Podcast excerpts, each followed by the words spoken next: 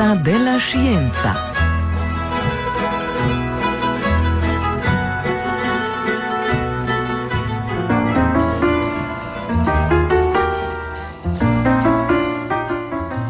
Čisto in smešno za res.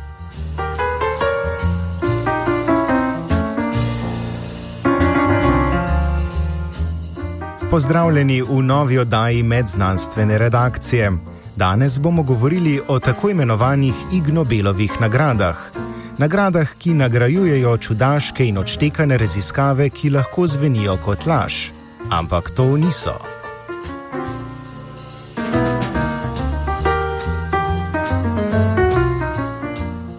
Ig Nobelove nagrade na Harvardski univerzi podeljujejo teden pred podelitvijo Nobelovih nagrad. Slovesnosti njihovega podeljevanja se odvijajo že od leta 1991 in za razliko od nagrad na evropski strani Atlantika, nagrajujejo raziskave, ki so predvsem smešne, tudi hkrati zanimive in uporabne. Nagrade podeljuje Improbable Research Organization ali po naše organizacija za malo verjetne raziskave, ki skozi različne medije in dogodke beleži najbolj bizarne aktualne raziskave iz sveta znanosti. Ostanite na naši frekvenci, saj bomo v današnji oddaji predstavili nekaj najbolj nenavadnih ignobelovih raziskav po izboru medznanstvene redakcije. Tako bomo govorili o ljudeh, ki se preoblačijo v polarne medvede o tem, kam gledajo psi med uriniranjem, kako je možno obogatiti s tekilo in zakaj so ljudje z mačkami malo čudni. Prisluhnite.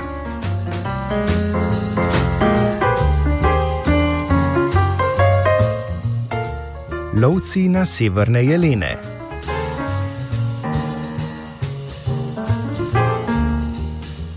Vsake toliko časa še vedno lahko naletimo na kakšno novico o tem, da ljudje le nismo vedno najbolj grozljiva bitja na tem planetu in da nismo nujno bitja, katerih obličje v pogledu živali pomeni zgolj in samo smrt. A da bi dobili dovolj naiven pogled, ki še ni pokvarjen s tisočletji človeške civiliziranosti, se je treba odpraviti daleč. Natančneje na norveško otočje Svalbard ki je tako severno, da populacija polarnih medvedov presega populacijo tam živečih ljudi.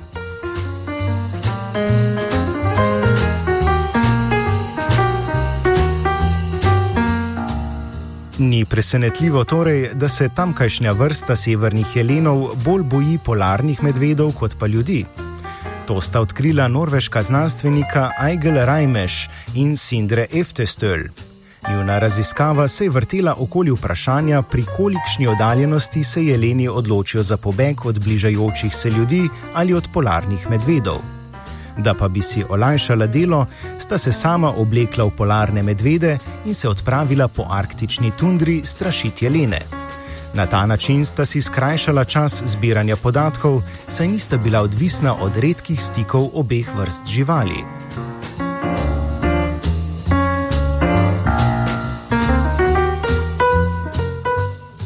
V svoji raziskavi sta ugotovila, da sta našemljena v polarna medveda izmerila približno dva in polkrat večjo razdaljo, pri kateri so jeleni začeli bežati, kot če bi bila oblečena v zgolj zimske kombinezone. V povprečju sta bila od jelenov oddaljena okoli 360 metrov.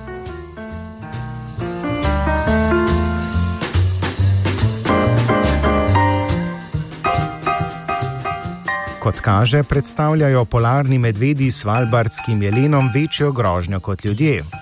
To ni presenetljivo, saj so zaradi odsotnosti ostalih naravnih plenilcev in prepovedi lova na jelene polarni medvedi njihovi edini plenilci na tem območju. Ob pomankanju druge hrane ti namreč niso izbirčni za jelenje meso.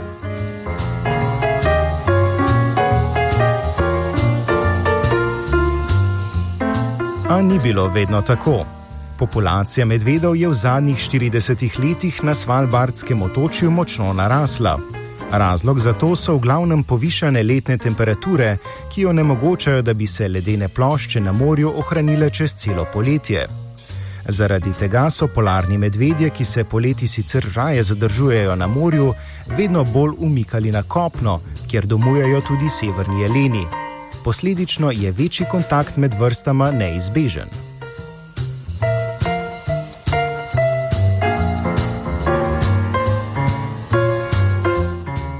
In če smo na začetku prispevka dejali, da le nismo vedno tako grozni, kot se morda zdi, to seveda velja le na prvi pogled. Z vsemi toplogrednimi plini, ki jih izpuščamo v okolje, ljudje k večjemu prispevamo k pospešenemu taljenju ledu, kar še dodatno omeji medvede in jelene na isto območje. A zato, da bi za arktične jelene izgledali manj nevarni kot polarni medvedi, se nam verjetno v te še lep čas ne bo treba preoblačiti. Ljudje namreč ogrožamo živali tudi, če jih ne plenimo.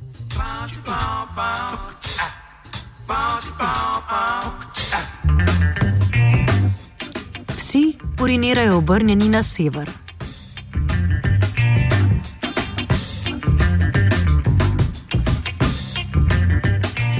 Lanskoletna dobitnica Ignobelove nagrade je med drugim tudi raziskava o občutljivosti psov na majhne spremembe v zemeljskem magnetnem polju.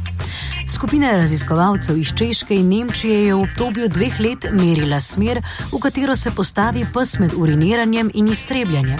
Opazovali so 70 različnih psov iz 37 različnih pasem, zabeležili 1893 pozicij med iztrebljanjem in 5582 položajev med uriniranjem.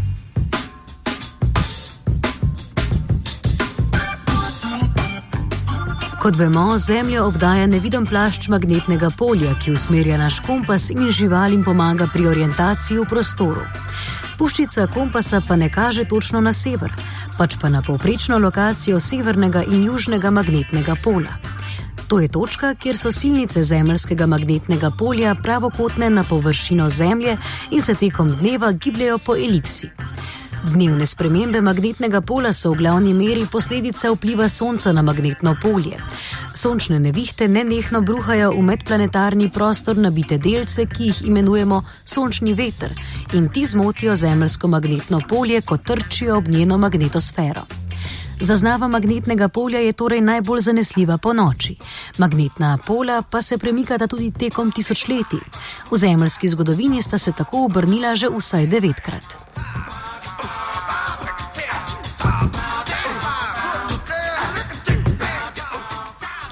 Na magnetno polje se odzivajo tudi živali. Poravnava telesa s smerjo zemeljskega magnetnega polja je že bila dokazana pri mnogih vrstah. Da je smer telesa odvisna od magnetnega polja, so že dokazali pri govedu med pašo in počitkom, srnjadi, jelenjadi in rdeči lisici med lovom. Poravnava z magnetnim poljem se je izkazala za primerno paradigmo pri iskanju odgovora na vprašanje, katere živali magnetno polje sploh zaznavajo in kakšni so mehanizmi te tako imenovane magnetorecepcije.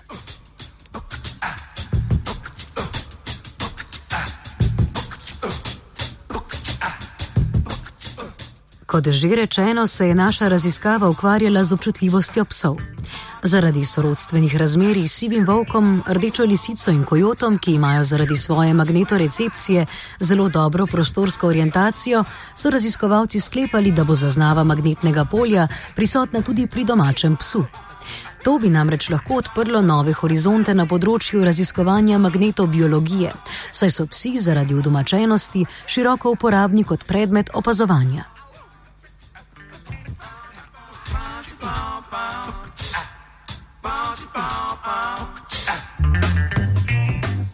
Rezultati sprva niso kazali nobenega vzorca obnašanja, ki bi bil pogojen z orientacijo v prostoru. Pri iztrebljanju med samcem in samico ni bilo nobenih razlik. Njihova smer telesa, glede na prostor, se je sprva zdela popolnoma naključna in ni omogočala statistično pomembnih zaključkov. Drugačen pogled na rezultate pa se je odprl, ko so jih razporedili glede na planetarnika Index, ki označuje jakost geomagnetnih neviht in posledično relativna nihanja v polarnosti magnetnega polja.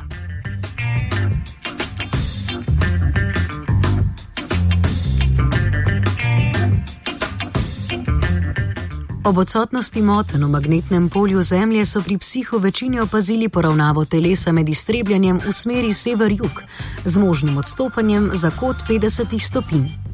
Podatki ne kažejo le na to, da se psi raje postavijo v smeri sever-jug, pač pa tudi, da se izogibajo poravnavi z osjo vzhod-zahod.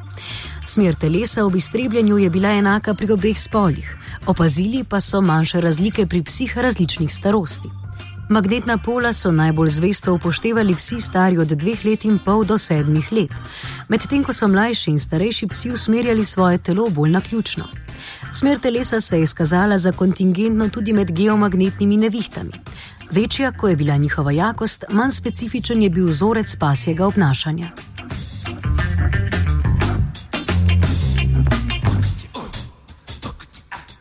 Podobne vzorce so opazili tudi pri usmerjenosti telesa med uriniranjem. Ob analizi podatkov se je pokazalo, da je med uriniranjem smer telesa odvisna tudi od spola. Samci so se v času mirnega magnetnega polja orientirali v kotni smeri sever-zahod, medtem ko so se samice postavile glede na os sever-jug. Razlika v poravnavi telesa med spoloma je verjetno posledica dvignjene tace pri samcih.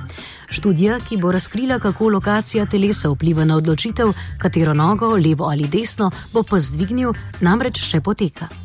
Naravna nihanja v jakosti magnetnega polja so se izkazala za moteča že pri mnogih živalih, kot so ptice, čebele in kiti. Vplivajo pa tudi na človeka, na naš krvni tlak in nagnjenost k samomoru.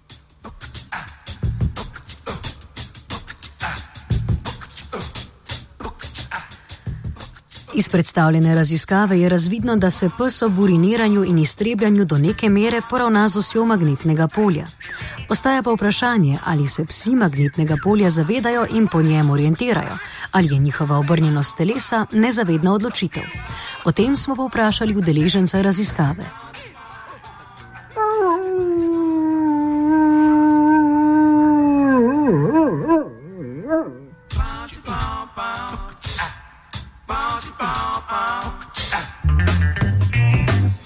Magnetno polje je najbolj stabilno po noči, zato se v raziskavi pojavi dvom, da se psi pravzaprav odzivajo na sonce in čas v dnevu, in ne na samo magnetno valovanje.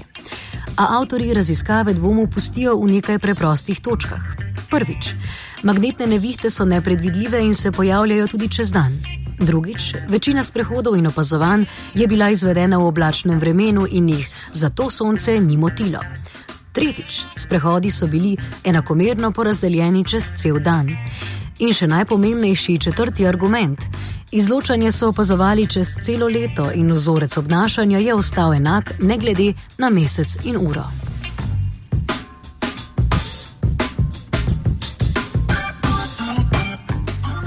Raziskava je pokazala, da so tudi psi občutljivi na magnetno polje in da lahko njihovo obnašanje napovemo glede na nihanja magnetnega polja. Predvsem dobro zaznavajo manjše spremembe v polarnosti Zemlje in slabše spremembe v jakosti magnetnega polja. Pri nadaljni uporabi in preverjanju rezultatov raziskave pa moramo biti previdni, saj se pričakovano obnašanje pojavi le v 30 odstotkih primerov, kar je posledica nenehnih minimalnih sprememb v magnetnem polju. Interpretacija pasjega pogleda med iztrebljanjem tako verjetno nikoli ne bo uporabna taborniška spretnost za orientacijo v gozdu.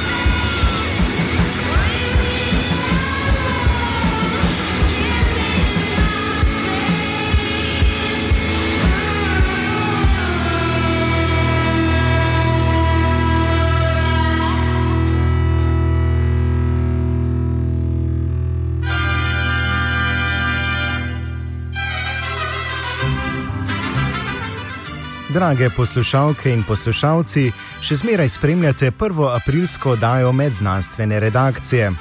V današnji oddaji vam naša redakcija predstavlja pester nabor raziskav, ki so prejele Ig Nobelove nagrade. Te vsako leto nagradijo tiste raziskave, ki jim na vkljub ali pa ravno zaradi svoje domišljije in absurdnosti uporabljenih metod k mozaiku človeškega znanja uspe doprinesti še en košček vednosti. Potem, ko smo že govorili o uporabnosti preoblačenja v polarne medvede v znanstvene namene in o smeri pasega uriniranja, bomo v drugem delu oddaje morda malce bolj ležerno prisluhnili prispevkoma o slabem vplivu mačk na duševno zdravje njihovih lastnikov in o uporabnosti tekile pri proizvodnji diamantov.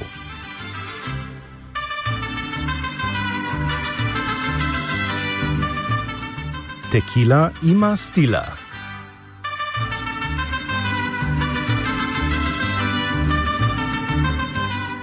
Ste se na zabavah v kazinoju Kongo naveličali piti vodke z zlatimi lističi in si želite pijače, ki bi se bolje ujemala s kristalčki na vaši ročni uri? Rešitev vam morda lahko ponudijo prejemniki Ig Nobelove nagrade za kemijo iz leta 2009. Ekipa kakopak mehiških znanstvenikov z imeni Javier Morales, Miguel Apatiga in Viktor Castano je odkrila, kako iz tekile pridobiti tanke sloje diamantnih kristalov.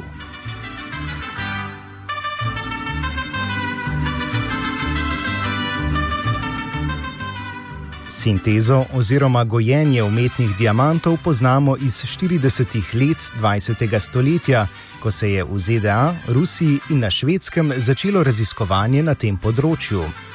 Laboratorijsko sintetizirani diamanti so oblikovno, kemično in optično identični in včasih tudi superiorni naravnim diamantom.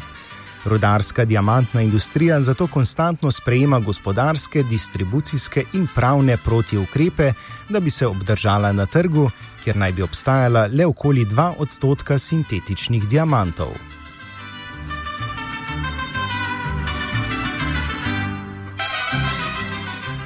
Prvi ponovljivi postopek laboratorijske sinteze diamantov smo dobili leta 1953 z dvema metodama, ki jo še danes uporabljamo. Ti metodi sta CVD ali Chemical Vapor Deposition, hladna depozicija, in HPHT ali High Pressure High Temperature, sinteza pri visoki temperaturi in pritisku.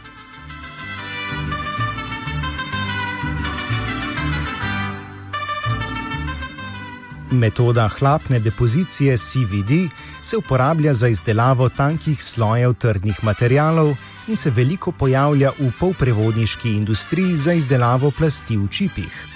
Temelji na uporabi hlapnih snovi, ki sodelujejo v kemijski reakciji in jih imenujemo prekurzorji. Ti s substratom, ki predstavlja podlago, na kateri želimo vzgojiti kristale, reagirajo ali pa se razkrojijo. Prekurzori se pri tej metodi pojavljajo v različnih oblikah, lahko so v plinasti, trdni ali tekoči obliki, proces kemijske reakcije pa nastopa v različnih pogojih: v vakumu, pod visokim pritiskom, pri visoki temperaturi ali z uporabo plazme in mikrovalov.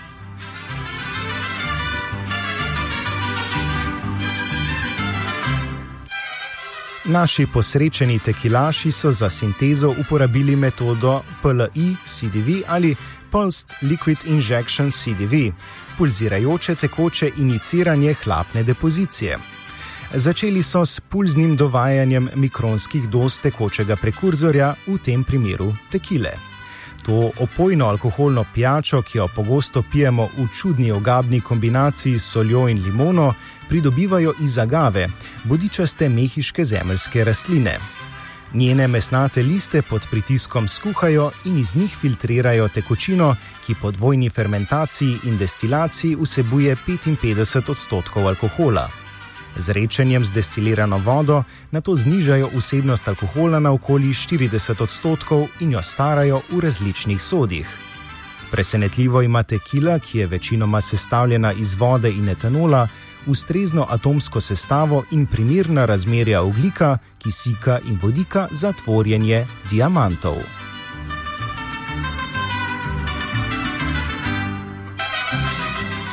Belo nestarano tekilo znamke Orendane so preko posebne šobe s pritiskom segreli do 280 stopinj Celzija, da se je spremenila v plin. Plinasto tekilo so na to dovedli v reakcijsko komoro, kjer so jo segreli na 850 stopinj Celzija, da so razgradili njeno molekularno strukturo. S tem so se tvorili trdni kristali velikosti od 100 do 400 nanometrov in se akumulirali na substratu iz silicija ali nerjavečega jekla. Po skupno okoli 20 tisoč ubrizganih mikroliterskih doz tekile se je tvorila tanka plast trdnih in temperaturno odpornih diamantnih kristalov.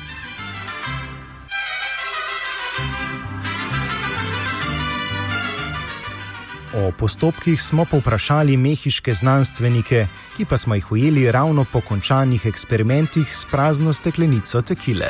Me llama el cocinero. Recita, ¿qué? Ve por la paellera. Venga, que las dos de la tarde ya están aquí. Miren, bañador, en las chanclas. Todo despeinado porque no me dio tiempo nada ponerme las chanclas y el bañador. Voy a la playa, había subido la marea.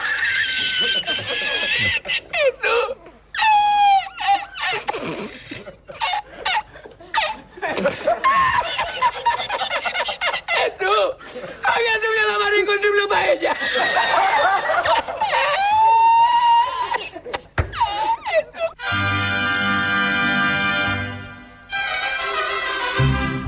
Ista ekipa znanstvenikov je prvotno, pred tekilo, eksperimentirala z gojenjem kristalnih plasti iz organskih spojin, kot so aceton, metanol in etanol. Ker so podobno etanolsko sestavo spoznali v tekili, za zdaj še vedno testirajo vpliv različnih vrst tekile na sintezo diamantnih plasti.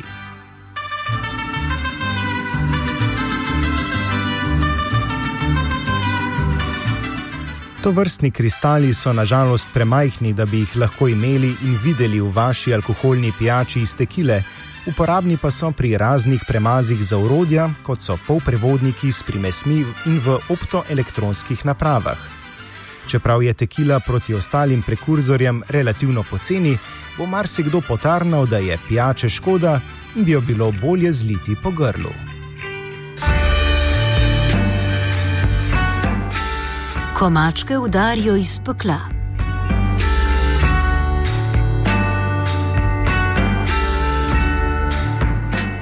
Ignobelovo nagrado za javno zdravje pa so si lansko leto razdelili znanstveniki iz Češke, Japonske, Amerike in Indije.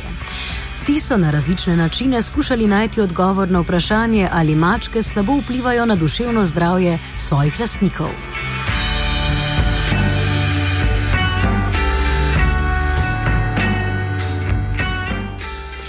Evropsko ekipo znanstvenikov, ki je dobila prvo polovico Ignobelove nagrade za javno zdravje, je vodil češki raziskovalec Jaroslav Fleger. Ta je svoje raziskovalno delo posvetil parazitu toksoplazma gondi. Naravni gostitelj te 5 mikrometrov dolge praživali je mačka, ob stiku pa se hitro prenese na človeka. Okužba s toksoplazmo je pri ljudeh v razvitih državah najpogostejša parazitna okužba. Z njo naj bi bila okužena kar tretjina svetovne populacije, a se simptomi bolezni zelo redko izrazijo.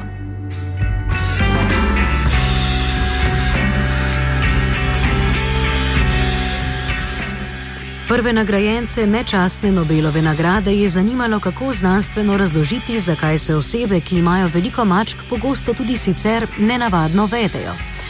V mislih imamo tako imenovano cat lady, kar pomeni starejšo samsko žensko, ki lahko živi tudi z nekaj sto mačkami.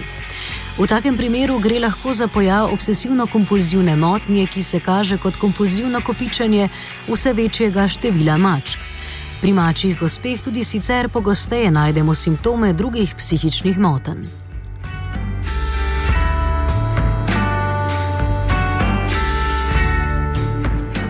Čeprav je izraz cat lady omejen na starejše ženske, pa je pojav razširjen tudi na mlajše osebe in moške. Raziskovalci iz Češke so se spraševali, ali je morda okuženost s toksoplazmo razlog za tako obnašanje. Če se okužba s toksoplazmo izrazi, se med drugim kaže s spremenjenim obnašanjem, saj lahko parazit deluje kjerkoli v telesu, tudi na možgane.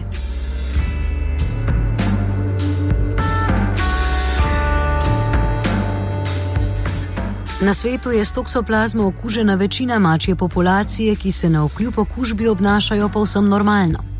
Pri človeku pa se posledice izrazijo zelo redko, zato večina niti ne ve, da je kadarkoli prišla v stik s povzročiteljem. V izjemnih primerjih sicer lahko hitro pride do resnih nevroloških in psihiatričnih simptomov, običajno pa se telo okuži neopazno in se parazita nikoli ne znebi, saj se ta spremeni v manj aktivno obliko. Parazit toksoplazme naredi v možganih in mišicah ljudi tkivne ciste, ki mu predstavljajo ugodno okolje. Tam je varen tudi pred imunskim sistemom in zato običajno v njih ostane celo življenje. Tako obliko bolezni, ki je tudi sicer najpogostejša, imenujemo latentna toksoplazma.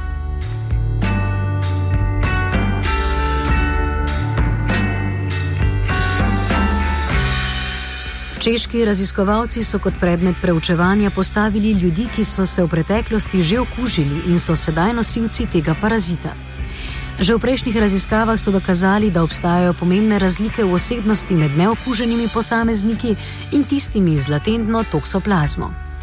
Ker so bile razlike večje pri tistih, ki so bili okuženi že dlje časa, so sklepali, da je sprememba osebnosti posledica okužbe s toksoplazmo in ne, da naj bi določen tip osebnosti povečal verjetnost za okužbo z njo.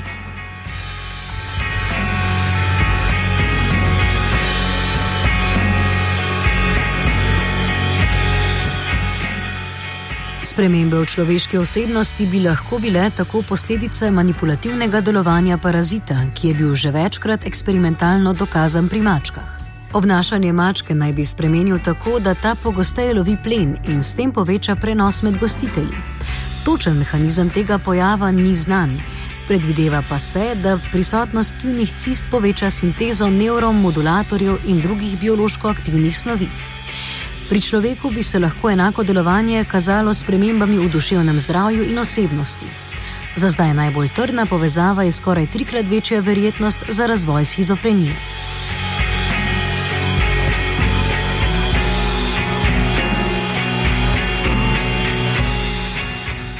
Pri raziskavi, ki je bila dobitnica nagrade, so te spremembe prvič dokazali na reprezentativnem vzorcu populacije, pri čemer preiskovanci niso bili seznanjeni s temo raziskave. Statistično najbolj značilne razlike v osebnosti med nosilci latentne okužbe in neokuženimi posamezniki so bile višja inteligenca pri okuženih, a tudi večja nagnjenost k občutkom krivde in čustvene napetosti.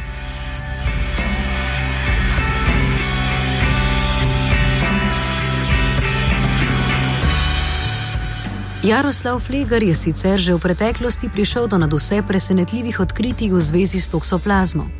Med drugim je ugotovil, da ima okužena nosečnica kar 72-odstotno možnost, da bo rodila dečka. Največ pozornosti pa mu je prinesla domnevna ugotovitev, da okužba podaljša odzivni čas in s tem povzroči milijon smrtnih prometnih nesreč na leto. Za tiste, ki ste se morda spraševali, naj dodamo, da je gospod Flegar lasnik dveh mačk in je okužen s toksoplazmo.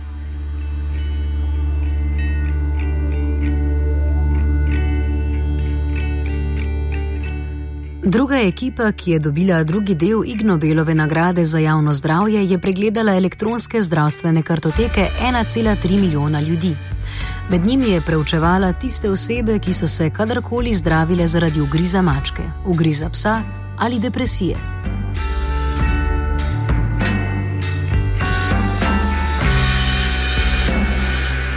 Ugotovili so, da se je okoli polovica žensk, ki jih je kadarkoli ugriznila mačka, v življenju zdravila za depresijo. Pri to vrstnem primerjanju na ključno izbranih dogodkov bi vedno naleteli na številne povezave pri čemer pa ne vemo, ali je povezava vzročna in če je, v kateri smeri. Zaključek raziskave se je glasil, da je glede na dosedaj pridobljene ugotovitve povezavo med psihičnimi boleznimi in mačkami treba še naprej raziskovati.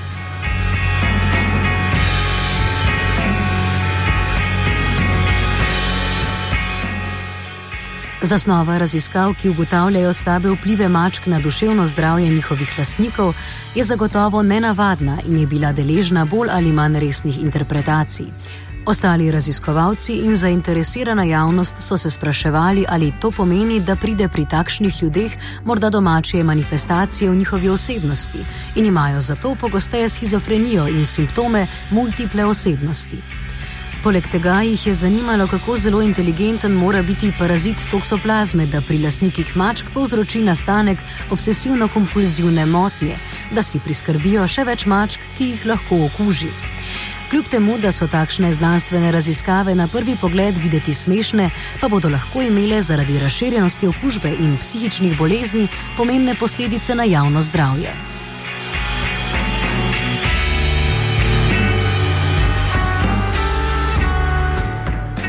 Norce smo brili Arne, Urša, Ian in Maja.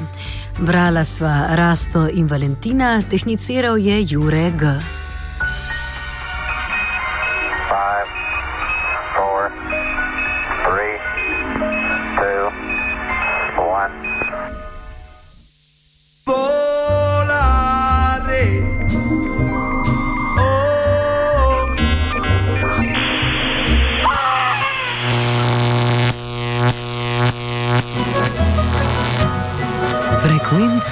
Della scienza.